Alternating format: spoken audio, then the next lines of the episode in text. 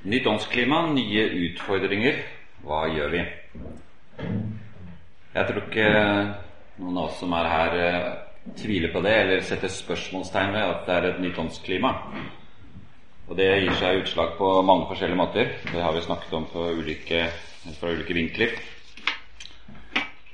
Og det som eh, Paulus eh, sier i andre Korinterbrev Nei, unnskyld, Efeserbrevet, Efeserne 4, som jeg skal vise veggen av, det hvis jeg beskriver eh, litt vår situasjon nå ganske godt, så skal vi ikke lenger være umyndige småbarn, ikke la oss kaste hit og dit og drive omkring ved hvert eneste vindpust av ny lære, så vi blir et bytte for menneskers falske spill og listige, forførende knep. Men vi skal være tro mot sannheten i kjærlighet og i ett og alt vokse opp til Ham som er hodet, Kristus. Vi skal ikke være småbarn, eh, umyndige småbarn som bare blir ført med strømmen, som oss, som tilpasser oss all mulig type ny lære. Så vi blir et bytte. Og det er det som er eh, så alvorlig for hver enkelt av oss også, og for våre sammenhenger. At eh, vi kan lett bli et bytte fordi kreftene er sterke, og dette er åndskamp på høyeste nivå. Men det å vokse opp til ham som er hodet, det å virkelig hele tiden ta på alle Det er han som er Herren. Det er Jesus Kristus. Den korsfestede oppstandende. Det er han vi tror på. Det er han vi følger. Det er han som eh, er den som også gir oss kraften til å stå imot alle disse vindkastene og dette spillet og forførelsen og forblindelsen som det virker som veldig mange har rundt oss nå i samfunnet. Og vi kan også bli påvirket av det, smittet av det. Så det å være årvåkne, det å leve eh, med bevisste sanser, det er jo bare utrolig viktig nå. Og når vi da ser hva som eh, er av utfordringer nå videre, så har vi jo sett noe hittil. Men jeg kan bare nå sånn liten oppsummerende, et oppsummerende bilde vise litt at utviklingen den fortsetter. og noe er gjennomført, men eh, det er fortsatt en del stasjoner igjen før eh, reisen er slutt, og man liksom har nærmest vedtatt alt som er mulig i denne grenseløse friheten og denne relativistiske etikken som sier at det er ingenting som er bedre enn annet. Alt er like bra. Og Da har vi jo vært innom kjønnsskifte, og det at å endre juridisk kjønn i dag har blitt enklere enn å skifte navn, som vi snakket litt om i går. Flere kjønn. Vi har sett den videoen fra NRK. Visste du at det finnes sju kjønn? Ny likestillings- og diskrimineringslov med omvendt bevisbyrde, som vi også var litt innom i går, som eh, jo sier det at eh, det er ikke lov i Norge å diskriminere, trakassere eller krenke noen pga. deres seksuelle orientering, eh, kjønnsidentitet eller, kjønns, eller kjønnsuttrykk. Deres måte å kle seg på, den slags. Alt det er forbudt. Og det må vi bevise at vi er uskyldige hvis noen anklager oss. Polyamorøse forhold. Samliv med flere enn to personer. Vi fikk en ny organisasjon i Norge i 2016, som er ikke så ny lenger, tre og et halvt år. Og den øh, jobber jo for å skape juridiske rammer og aksept for at også samliv, seksuelt samliv mellom flere enn to personer er helt akseptabelt og er helt stuerent. Og skulle bare mangle, Så de at ikke vi også skal få akkurat de samme rettigheter som alle andre. Og det støtter jo Foreningen FRI eh, helt aktivt, fordi de mener at dette er jo en del av mangfoldet. Polygami er en del av det seksuelle mangfoldet som eh, Foreningen FRI gjerne vil støtte. Og fertilitetsmarkedet. Stadig større aksept for kjøp og salg av sæd og egg, donorer og surrogatmødre. Vi så det bildet i går, eh, for dere som ikke var der, et bilde om hvordan det beskrives at man kan eh, trekke kredittkortet og bestille drømmebabyen ved å gå inn på nettet og bestille donorsæd og dra til Danmark og få barn. Og betale sted mellom 50 og 100 000 kroner. Og det synes flere og flere er helt greit. Folk får jo barn på så mange måter. Det må da være greit, det også. Så er det ett eller flere politiske partier på Stortinget har programfestet eggdonasjon. Og det er det jo stort flertall for nå i Stortinget. Og det kommer eh, kanskje opp nå i løpet av våren. Eh, og da ikke bare eggdonasjon, men nå eh, ga Arbeiderpartiet signaler om at de også kanskje åpner opp for dobbeldonasjon. Sånn at både egg og sæd skal være mulig å få av staten, eller å, å skaffe det selv. Og da er jo ikke foreldrene i slekt med sitt eget barn. Eller hvis det er en enslig kvinne, som det er et annet punkt som det også er flertall for i Stortinget, assistert befruktning for enslige kvinner, hvor denne, hvis denne kvinnen er uh, ufruktbar, ikke greier å få barn med donorsæd selv, for det er noe med egg, eggkapasiteten hennes som ikke fungerer, så så mener flere partier at da må hun jo kunne få både sæd og egg. Og det er jo noe helt nytt. Så langt jeg vet, så er det ingen land i verden ennå som har innført dobbeltdonasjon. Fordi det kreves at du enten må bidra med sæd hvis du er mann, eller egg hvis du er kvinne. Eh, du må bidra med én ting selv. Mens det løses nå opp her i Norge. Og vi Jeg skal ikke si det sikkert, for jeg har ikke undersøkt så grundig som jeg kunne hørt, men mitt, min informasjon hittil er at eh, det er ingen land i verden som foreløpig har gjort det. Så da vil jo Norge kunne rose seg Hansvørstein, av å bli det første landet. Hvis det er sant at uh, ingen andre har gjort det tidligere. Og så er det flere enn to juridiske foreldre. Uh, det er flere av de største partiene som ønsker det. Fordi det er jo naturlig når f.eks. folk skaffer barn med en donor og bor sammen, f.eks. to kvinner, og de kjenner donoren. Eller det kan være surrogatmor at eh, det mannlige paret eller det ekteparet som har brukt surrogatmor, at de kjenner den kvinnen og ønsker at hun skal også være en del av eh, det barnets eh, familie. Og Arbeiderpartiet har jo programfestet det med flere enn to foreldre, men uten noe grense oppad. Så det kan bli både fem og seks og sju hvis det var aktuelt. Men det som blir mest aktuelt, er jo fem foreldre. For det går det an å ha biolog, ikke biologisk, men det går det an å ha på de vanlige måtene med surrogatmor som får egg ikke bruker sitt eget, og med foreldre som eh, da enten er av eh, samme kjønn eller motsatt kjønn. Også ulike elementer her som gjør at et barn kan få fem foreldre.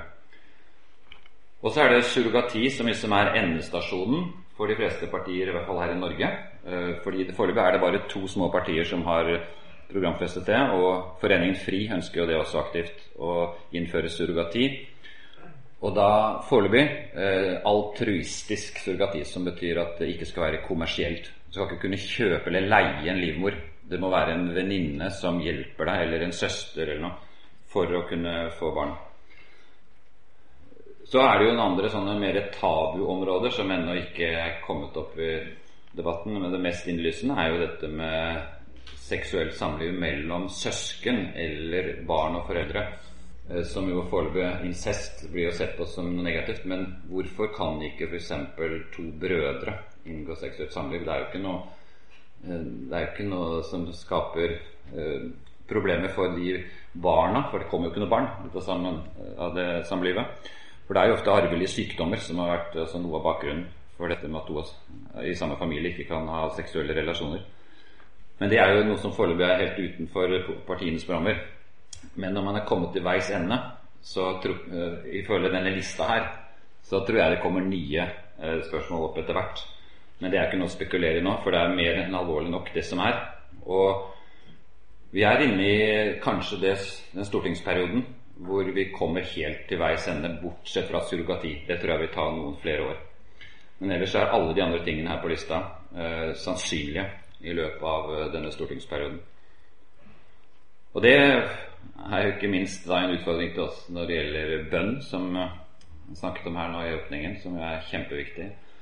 Det å be og være bevisst på selv hva vi står for, hva vi mener, og møte mennesker med sannheten samtidig som vi gjør det i kjærlighet og med vennlighet.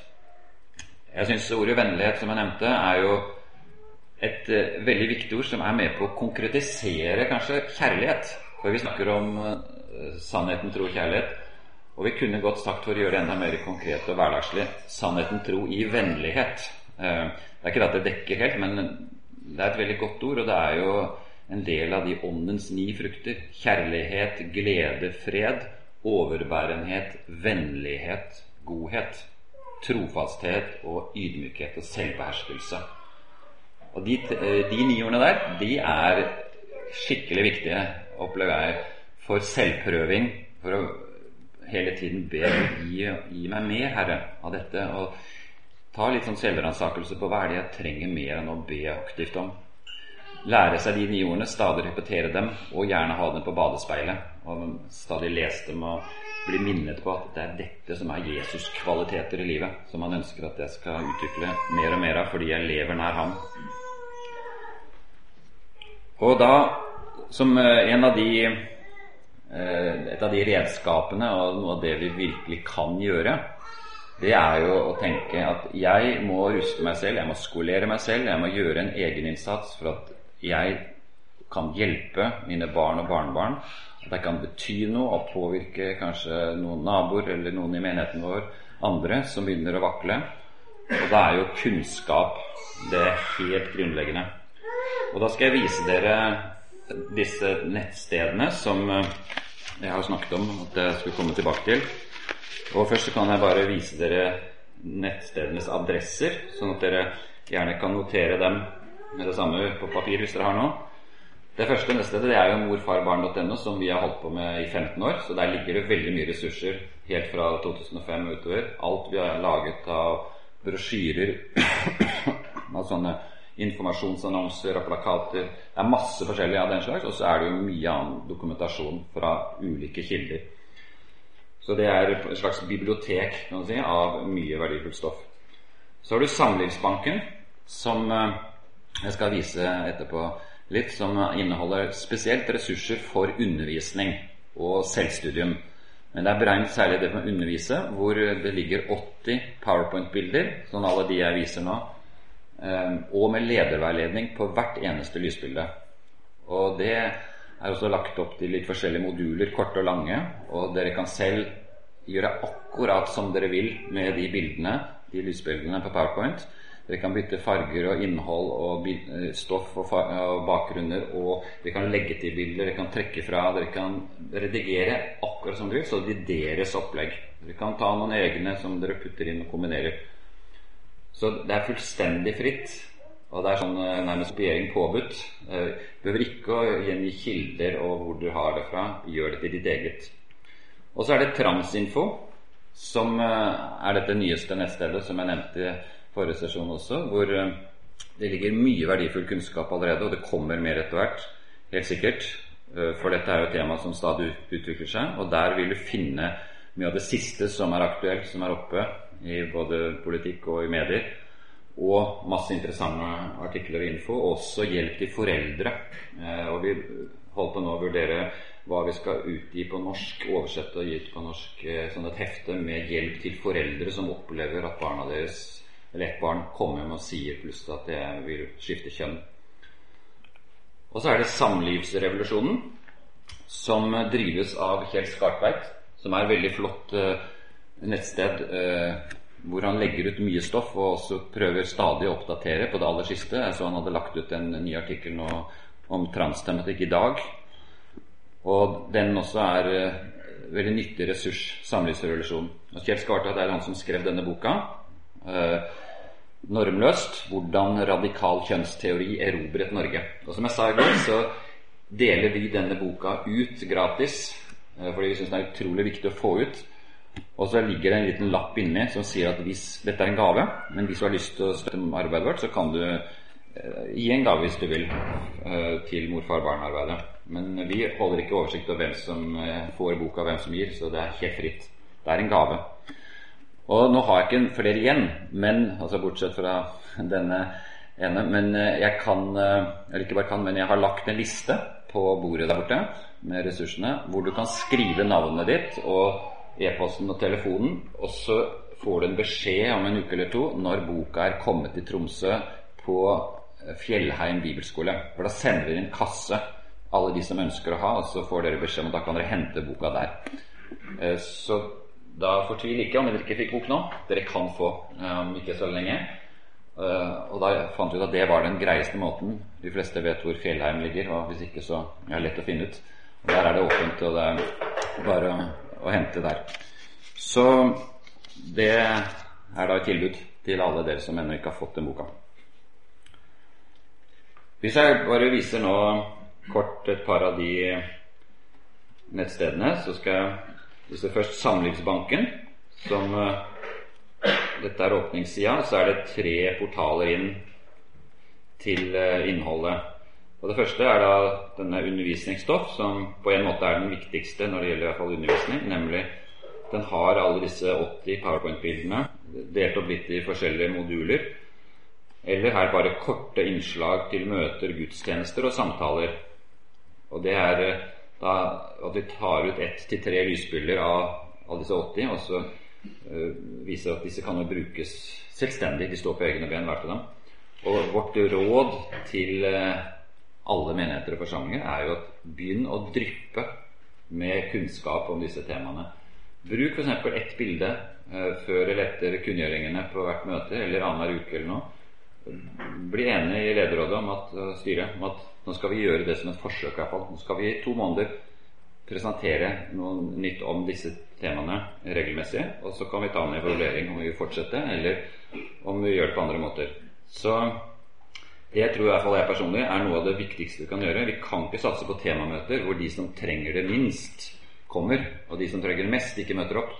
Så hele menigheten må få del i dette. Så det må inn på gudstjenester, de hovedmøtene, og gjerne også helst på gruppemøter.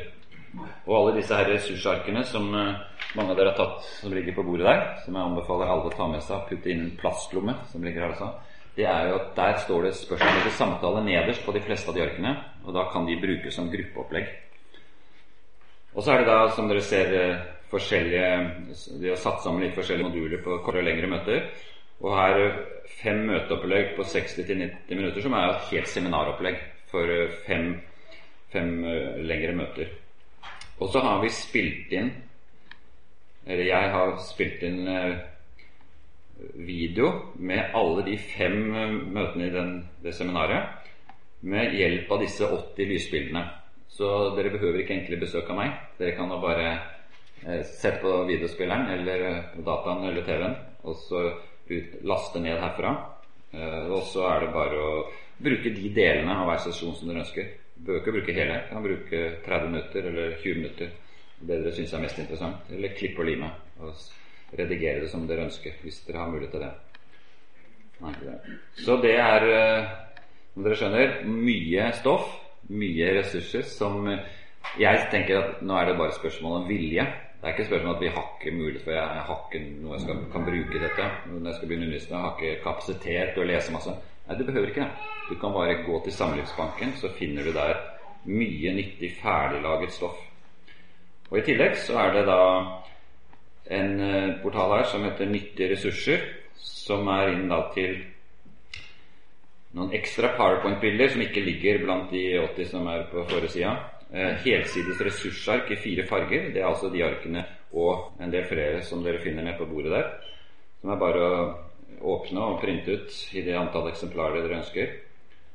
Og så er det gode og viktige avisartikler, som er en uh, viktig del her også, som har uh, artikler som vi har håndplukket fra ulike kilder om transseksualitet og kjønnsskifte, om polyamorøse forhold og polygami, om pride og den radikale kjønnsideologien, om eggdonasjon, assistert befruktning for enslige kvinner, om ekteskap og teologi, kirke og samfunn, lovgivning, samvittighetsfrihet og menneskerettigheter, diskriminering, spørsmålstegn, The Gospel Coalition, som er en veldig fyldig nettside uh, i USA som inneholder mye flott.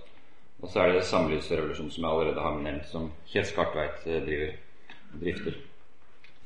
Det er uh, også en en uh, kilde med masse ressurser, som jeg skjønner. Alle de avisartiklene. Og så er det noen artikler om allmenne argumenter uten å bruke Bibelen. Grundige artikler og studier, nyttige nettsider, gode bøker, korte videoer, undervisning med debatter, altså på video, på YouTube mye, podkast og livshistorie og vitnesbyrd. Så her er det ikke meningen at folk skal drukne. Her begynner du på det som er mest aktuelt og relevant for tiden. Og da vil jeg anbefale egentlig på de undervisningsdelene med med disse powerpoint-bildene og lederveiledningene på hvert bilde. Så da bør jeg vise noe mer på det. Det er bare å ta til slutt eh, et minutt på Transinfo. Har øverst her de fem siste artiklene som er kommet de siste dagene. Og så er det altså 'Velkommen til Transinfo', et nettsted som problematiserer den moderne transideologien. Kunnskap, forskning, biologiske fakta, erfaringer, livshistorier, råd til foreldre. Og Da ligger det her på denne 20 siste artikler på Transinfo. Så der kan man lete, seg Hvis man har vært inne noen ganger, så slipper man å lete gjennom alt for å se hva er de som har vært siden sist. Og Da vil det altså ligge nedover her de 20 siste artiklene. Og her er det veldig mye viktig som uh, har stått uh, ulike steder som man ofte ikke vil finne sånn på egen hånd. Eller man husker ikke hvor man har lest det, fra norske aviser. Det tar litt tid der å få fram bildene, men alt er jo med bilder. Sånn. Så det er en uh, brukervennlig, brukervennlig sted å starte. Og så ellers så vil dere se her er da innholdsfortegnelsen med undermenyer. Hvis du klikker deg inn på hva inneholder dette nettstedet, og Da ser du hovedtemaer og undertemaer på den siden. Det er født i feil kropp, kjønnsdysfori blant barn og unge, med medisinsk kunnskap og fakta. Hva er kjønnskoordinert behandling? Kjønnsdysfori blant barn og unge. Hva skjer? Hvem blir barn og unge påvirket av? Så er den radikale kjønnsideologien som mange ansikter, med litt forskjellige innfallsvinkler. og En del er om Forening FRI. Hva står de for? Skeiv ungdom, rosa kompetanse. Og så er det hva skjer innen politikk og lovgivning, personlige historier, video. Intervjuer, undervisning, dokumentarer, livshistorier på video. Hva kan foreldre, lærere og andre gjøre? Og så nyttige lenker.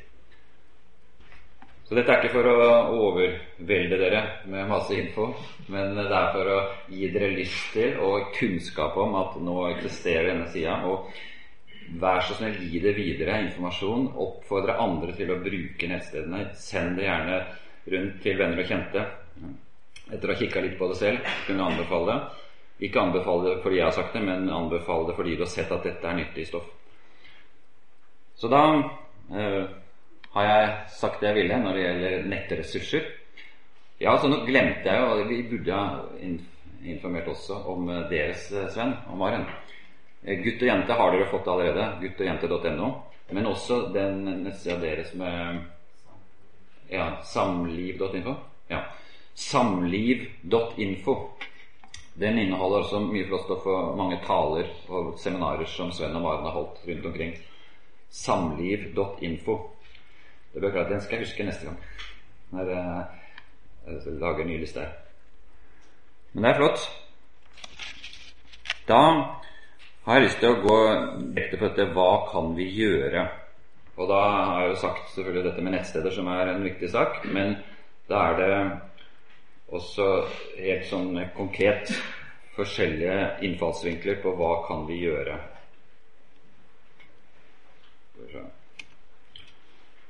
Da har jeg tenkt å si litt om bevisstgjøring. Litt om kunnskap. Det har jeg sagt så mye om, så det kan vi ta raskt eh, bare nesten skippe forbi. Og så er det fellesskap og medarbeiderskap.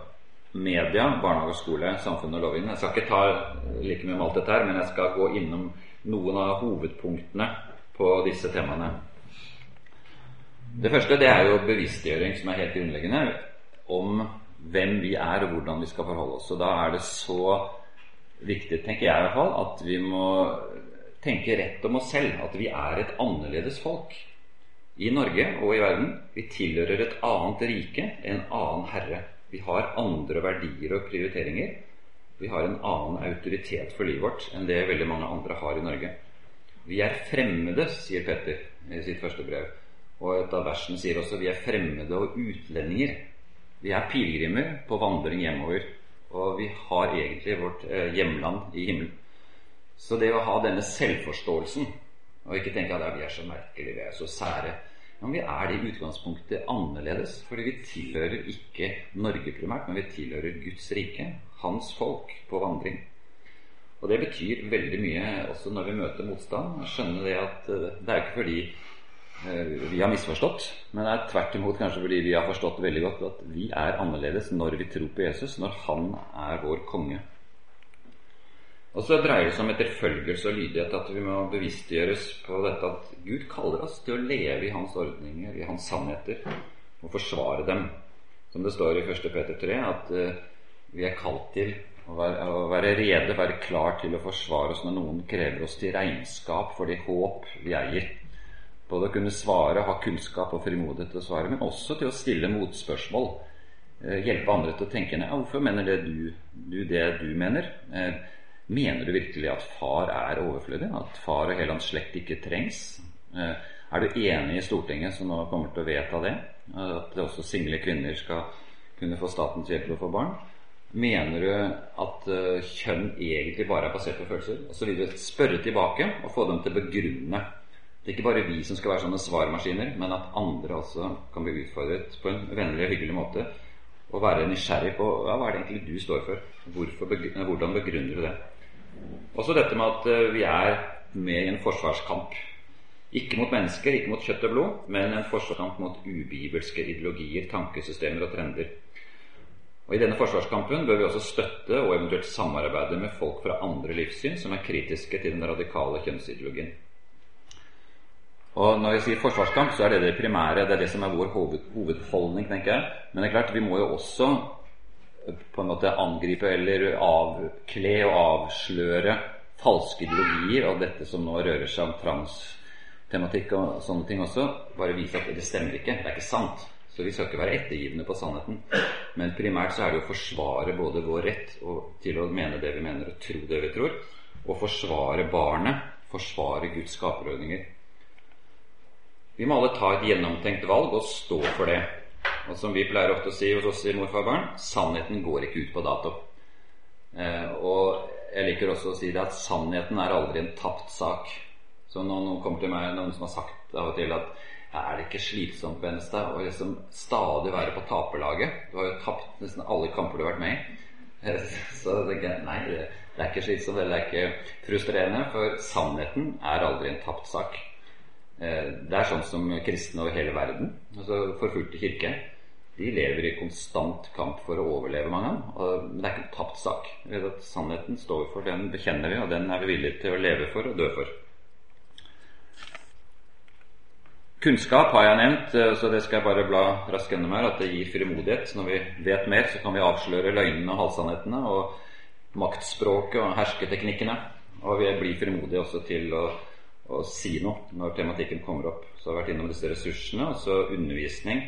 Ledere og pastorer må oppmuntres til virkelig å undervise om denne tematikken, som jeg har nevnt. Også med dryppe regelmessig. Og så følge med. Og vite at dette er ikke bare et tema for uh, morfar, barn eller noen veldig spesielt interesserte. Nei, dette er kommet så nært nå at vi er nødt til altså Det ser flere og flere kristne, at nå er det våre barn og barnebarn det står om. Så nå er vi bare nødt til å følge litt med og vite hva som skjer, og kunne ta forholdsregler. Så er det fellesskap og medarbeiderskap. Aktiv støtte til kristne og til meningsfølge med et annet livssyn som blir profilert offentlig eller møter tøff motstand. Vær kreativ i støtte og forbønn.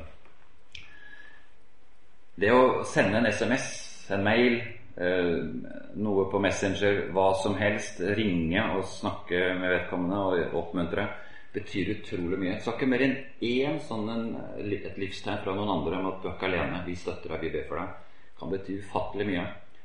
Hvis du skriver noe i avisen, eller du blir hengt ut i avisen, og det er ingen som sier noe til deg, så kan du tenke hvor tøft det er. Men det at til og med kanskje en fremmed ringer, eller sender en SMS eller en mail, det er så viktig. Så her må vi bli flinkere, tenker jeg. Vi har utrolig lette muligheter nå i vår teknologiske tid til å gjøre det. Det koster oss tre minutter, kanskje. Toppen fem. Finne telefonadressen, telefonen og så sende en SMS.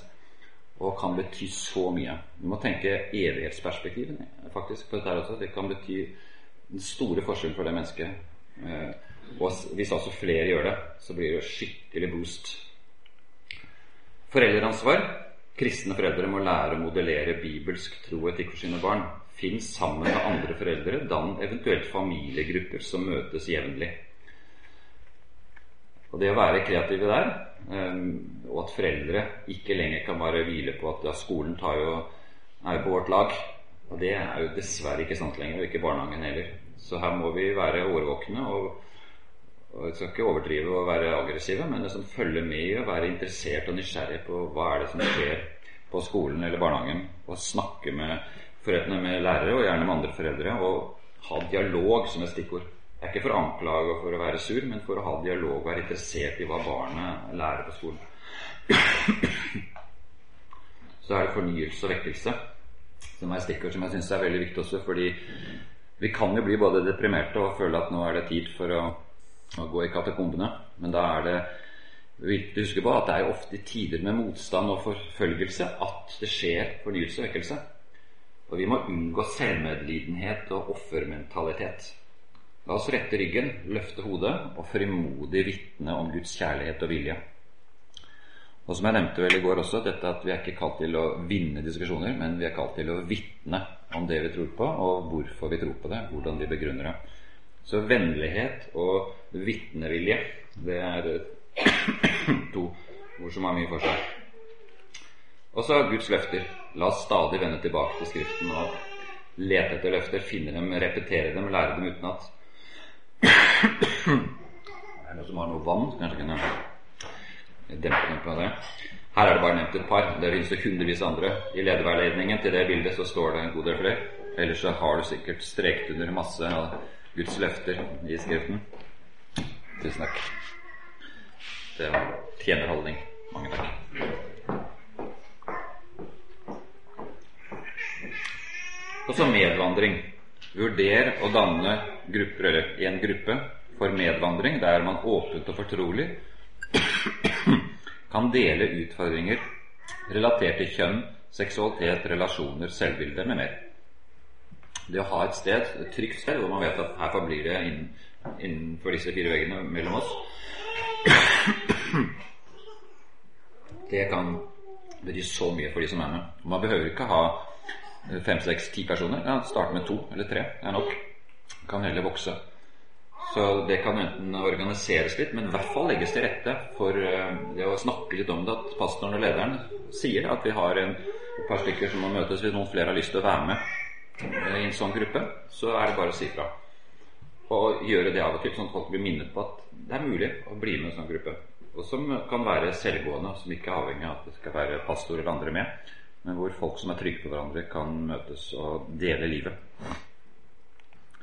Media Jeg er ikke sikkert alle, eller helt sikkert ikke alle dere som får kontakt med media, blir ringt opp. Men jeg bare lyst til å si noen stikkord, og dere kan jo kanskje hjelpe noen som blir ringt opp, eller må snakke med en journalist.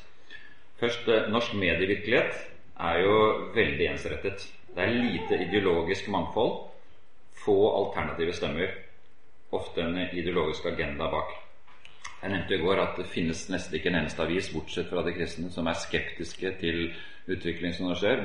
Fikk jeg høre i dag at uh, den samiske avisen er kanskje en av de som uh, er et unntak, og det håper jeg. Og ellers uh, kan nok finne noen lokale aviser, men jevnt over så er det en ensretning som er etter manges mening, jeg har hørt det fra flere kilder, kanskje en av de mest ensreddede medievirkeligheter i Europa. Ved et lite land, og hvor alle er sånn politisk korrekte, så å si. Hvordan forholder vi oss? Fem gode råd hvis en journalist ringer. Prøv å unngå å svare på stående fot. Spør hva saken gjelder, og be journalisten ringe tilbake om en time eller to. Da får du litt tid til å tenke deg om, skrive ned noen stikkord, ta en telefon kanskje til en du vet du kunne få litt hjelp av, og eventuelt kikke litt på nettet eller finne fram eh, en av disse ressursarkene, eller gå på nettet på Samlivsbanken, få noen tips der fra en, en brosjyre du vet har gode momenter. Og forlang alltid skriftlig sitatsjekk før noe blir satt på trykk. Det er bare en ubrytelig regel. Du må aldri la noe komme på trykk i en avis, og det må du fortelle andre også, hvis ikke de først får lese hva som blir sitert. Og det har du rett til. Eh, har, og journalisten har plikt til å vise deg det. Egentlig uoppfordret, men hvis det er litt sånn i hastverk, så kanskje glemmer han det, eller han håper han ikke behøver. Da må du bare alltid forlange det. Og Jeg pleier alltid å si det før jeg begynner å snakke. Jeg regner med som selvsagt at jeg får sitatsjekk på dette. Ja, ja, selvsagt, sier alle. Så, og det holder de. Så, men du må bare huske på det. Alltid. Om Norge i dag ringer, som er veldig positiv til, til meg og til morfarbarn De vil bare alt det beste for oss. De er helt enig med oss. De også sier jeg alltid sitatsjekk. For de kan formulere seg krøkkete. Har misforstått. Det er et eller annet de, Han var ikke så god i norsk, han typen. Eller hun. Så alltid sitatsjekk. La deg ikke presse. Svar eventuelt ingen kommentar, eller det, kan, det ønsker jeg ikke å si noe om. Det er ingen journalist som har noe rett på deg eller på dine uttalelser. Du er helt fri til å bare si at dessverre, du må finne noen andre. Si eventuelt at du bare vil svare på spørsmålene via e-post. Hvis du mener at det er den eneste løsningen, så bare sier du at jeg er villig til å svare, men det må skje på e-post. Send meg to-tre spørsmål, så skal jeg svare i løpet av en time. skal du få svarene mine. Det er altså en veldig god løsning, fordi da får du gjort det på din måte, og da slipper du sitatsjekk. Så da kan han bare bruke, journalisten bruke akkurat det du sier. Eh, eventuelt at han korter ned, men han kan ikke omgjøre det, for da har jo du også skriftlig bevis på hva du skrev. Ordvalg er svært viktig. Tenk nøye gjennom orduttrykk. Og det er ikke noe du behøver gjøre bare rett før noen ringer, men hvis du vet at du er i en situasjon hvor du kanskje kan bli ringt opp eller spurt, så er det lurt å ha skrevet noen stikkord og ting du vet Formuleringer du kan bruke. Og da vil jeg jo anbefale f.eks. mye av det stoffet som vi gir ut i disse informasjonsannonsene, disse ressursarkene på bordet, er jo veldig gjennomarbeidet. Og det å lese de, særlig de viktigste der, flere ganger, og streke under kanskje formuleringer si at dette, dette er bra sagt. Eller kanskje det er noe du er uenig i også. Det skal jeg passe på at jeg ikke sier. Men altså være bevisst på det, for ord er makt. Og ord kan ødelegge enormt. Bare ett galt ord i en sånn sammenheng, da er det det som blir overskriften. Altså et galt i andre altså et uheldig ord av det. Så det, det er verdt å bruke litt tid på. Og gjerne ta det i noen bønnestunder, men imellom også be Gud gi deg formulering og vise deg ting når du har kanskje satt opp en liste. Hva er det som egentlig er det beste her? Og så er det lederfellesskap i forhold til media. Målrettet utvikling av samhold og tillit mellom lokale kristne ledere. Samhold hva støtte når en menighet blir offentlig hengt ut for sin troskap mot bibelsk troetikk. At eh, hvis det noen blir hengt ut, så at eh, to-tre andre ledere i byen eller området kan skrive en svarartikkel og støtte lederen. Ikke nødvendigvis på hver eneste ting vedkommende har sagt, men at vi i sak står sammen, og at uh, han er ikke noe, eller den menigheten er ikke så spesielt. For vi har skrevet under og gitt ut ekteskapserklæringen, og det har vi også. Vi er 36 kirker og kirkesamfunn og organisasjoner som står bak den. Jeg viste den i går, og den ligger også på bordet der. Så det er jo et unikt dokument, den samlivserklæringen, som eh, jo er veldig viktig når det gjelder innholdet, men som også gir en veldig god ryggdekning og en basis fordi vi står så mange sammen. Faktisk representerer underskriverne der flere hundre tusen nordmenn. Og det er det mange som ikke er klar over. Mange nå i media som tror jo at vi er en utdøende rase. Som liksom er eh, noen, kanskje noen få titusener, men ellers så er vi så på vikende front at eh, snart er vi utdødd. Men det skal vi motbevise. Og så til slutt eh, barnehage og skole. Hvordan forholde seg. Kristne foreldre, følg med i skolebøker og ukeplaner. Det blir bare så nødvendig nå. Eh, og be om konkret informasjon fra skolen om hva som blir kommunisert om kjønn, seksualitet og familie. Det står jo alle sånne læreplanene at eh, skolen skal fungere i samråd og i forståelse med hjemmet til barnet. og de ønsker jo kommunikasjon og dialog med hjemmet. De fleste lærere opplever jo at det er veldig lite kommunikasjon. Så hvis det er vennlige henvendelser og det ikke er noen sånne anklager, så vil jeg anta at de fleste lærere syns det er bare hyggelig med at uh, barn, foreldre er interessert i barna sine, hva de gjør på skolen. Og hvis det etter hvert viser at man er veldig uenig, at disse holder på med ting ikke vi liker, så må man jo se hva han skal si og gjøre. Men hele tiden dialog som utgangspunkt, og prøve å finne gode, fleksible løsninger. Og kompromisser eventuelt. Men uh, vi, vi har et foreldreansvar som også gjelder når våre barn er på skolen. Uten tvil. Og snakke med andre foreldre, også gjerne ikke-kristne, hvis det er noen vi tror kan være på lag med oss når det gjelder spesielle temaer. Gå om nødvendig til skolens ledelse. Prøv å finne akseptable løsninger og kompromisser. Og husk, foreldreretten står fortsatt sterkt. Og så vil jeg nevne noe som eh, jeg vel ikke har her på et arket, men som er eh, veldig viktig. og Det er at i opplæringslova, i paragraf 2, punkt 3a, der står det at eh, Foreldre har rett til å be om fritak for barna sine hvis det er deler av undervisningen som oppleves støtende eller krenkende i forhold til deres eget livssyn eller religion. Og Det har alle foreldre lov til. Eh, og det står til og med at det er ikke nødvendig å begrunne fra, eh, fraværet og fritaket. Bare å si fra på forhånd at kommer, eh, Ole kommer ikke til å være med på skolen eller på den, de to timene. Nå kan det være krevende hvis det er den eneste i klassen, og det kan bli mer belastning hvis det der ikke er godt forberedt eller det ikke fungerer. Så her må man jo bruke all den visdommen og foreldrekjærligheten man har til hva som er beste løsningen. Men det aller beste det er jo at man er flere. Eh, hvis det er noe man ser at her kommer skeiv ungdom og skal undervise. Det ønsker jeg ikke at vår tenåring skal være med på. Og da kan, hvis det er tre, fire, fem som gjør det, så er det jo mye enklere. I England så leste jeg for nå i høst så var det en skole hvor det var mange muslimer mange muslimske foreldre. Da var det 80 stykker som protesterte mot at sånn en tilsvarende rosa kompetanse skulle undervises på den ungdomsskolen. De sa at vi nekter at våre barn skal være med på den, så vi 80 vi kommer til å holde barna hjemme hele dagen. Og da ga skolen seg. De sa at vi, vi dropper det opplegget. Så, hvis vi er i hvert fall flere, så kan det være det er mulig. Men jeg sier ikke at det er liksom hovedstrategien vår.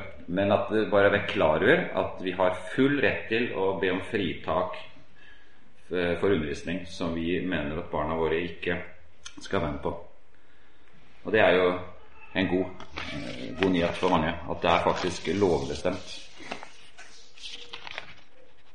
Da har jeg lyst til å nevne to ting til slutt, og det er eh, et ark som jeg har her, som eh, også ligger borte på ressursbordet, som heter det står, ja, det, det står, så mange ord her, men det det egentlig heter nå, prosjektet, det er seksualetikk og ressurspersoner. Og Det går ut på det eh, at vi ønsker å legge til rette for å oppmuntre organisasjoner og kirkesamfunn til å finne eh, ressurspersoner i sitt kirkesamfunn, i sin organisasjon, som de kan være med på å utruste og hjelpe til å bli eh, si, ja, talere, seminarholdere, noen som har peiling, som kan lage kanskje noen gruppeopplegg osv. i sin sammenheng. Og da er jo helt avgjørende at det kirkesamfunnet har et eierforhold til dette. Det er ikke mor, far, barn som skal organisere dette, men de prøver å være litt sånn fødselshjelper.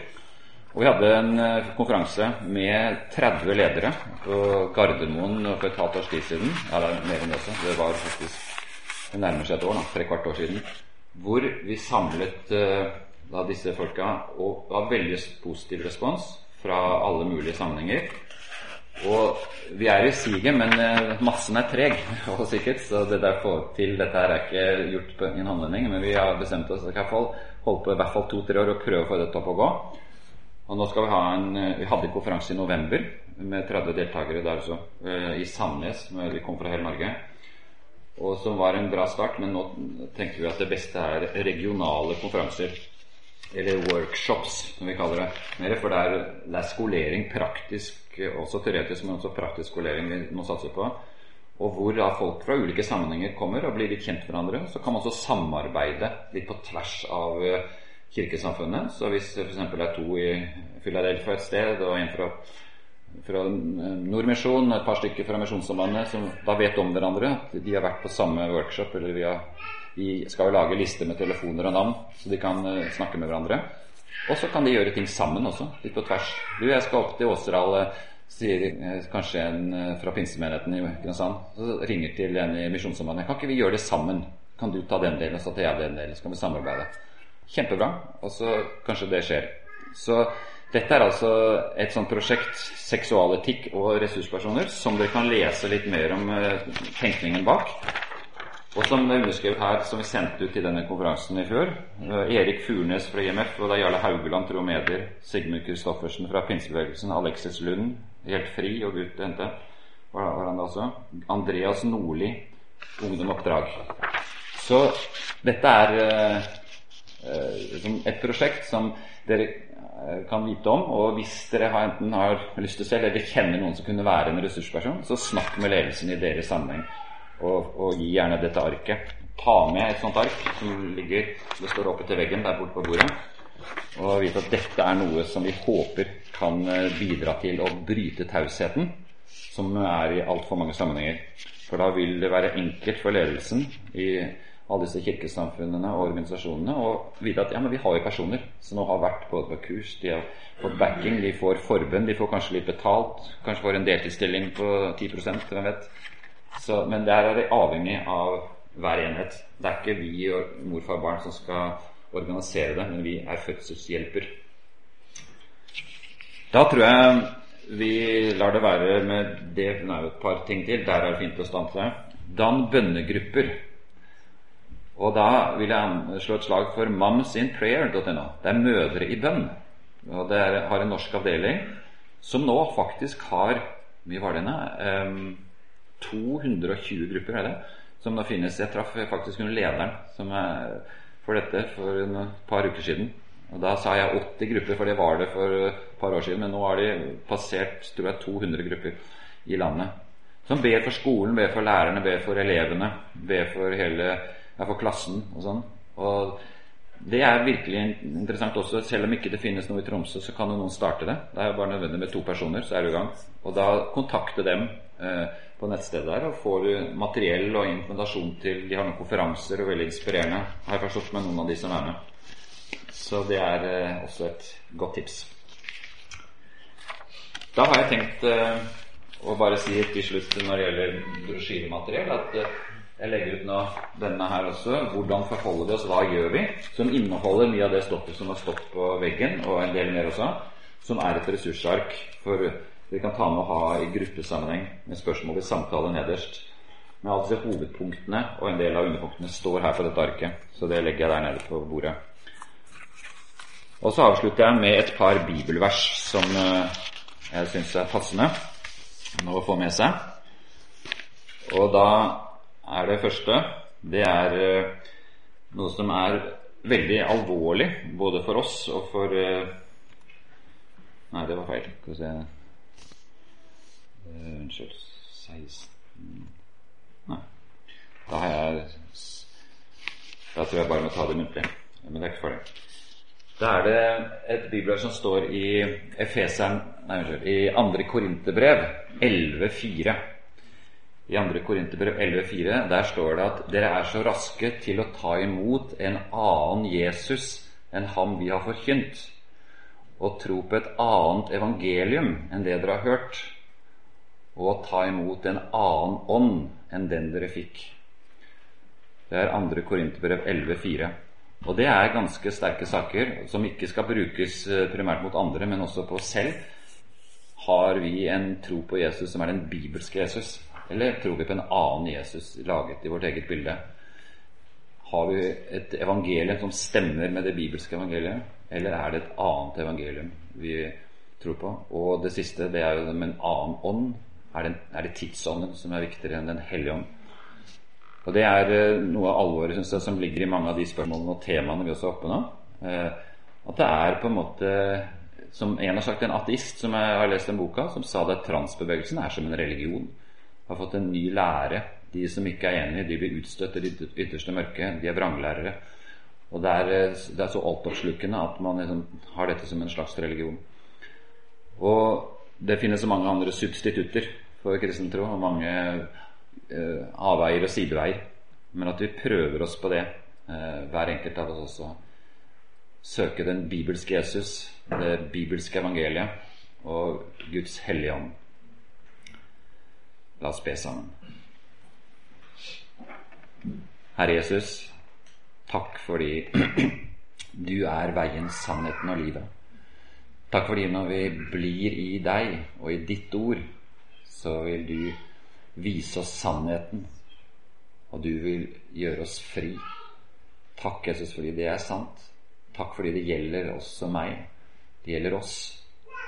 Hjelp oss, Herre, til å være disipler som lever i ordet, som anvender det inn i våre egne liv, og som er villige til å vandre med deg, Jesus, også i de vanskelige motbakkene, også når det stormer rundt oss. Men takk, Jesus, fordi vi kan få tro og praktisere det også med din hjelp. At gleden i Herren er vår styrke. Takk, Jesus, fordi vi får tilhøre deg, du som er skatten og perlen du som er den det er verdt å leve for og dø for. Takk, Jesus, fordi vi hører sammen som lemmer på din kropp. Hjelp oss, eh, de brødre og søstre her i Tromsø, til å være lemmer på denne kroppen og utfylle hverandre, komplettere hverandre, støtte hverandre. Vite at eh, vi hører sammen, Guds folk på jord som er på vandring hjemover. Takk, Herre, for din godhet mot oss. Amen.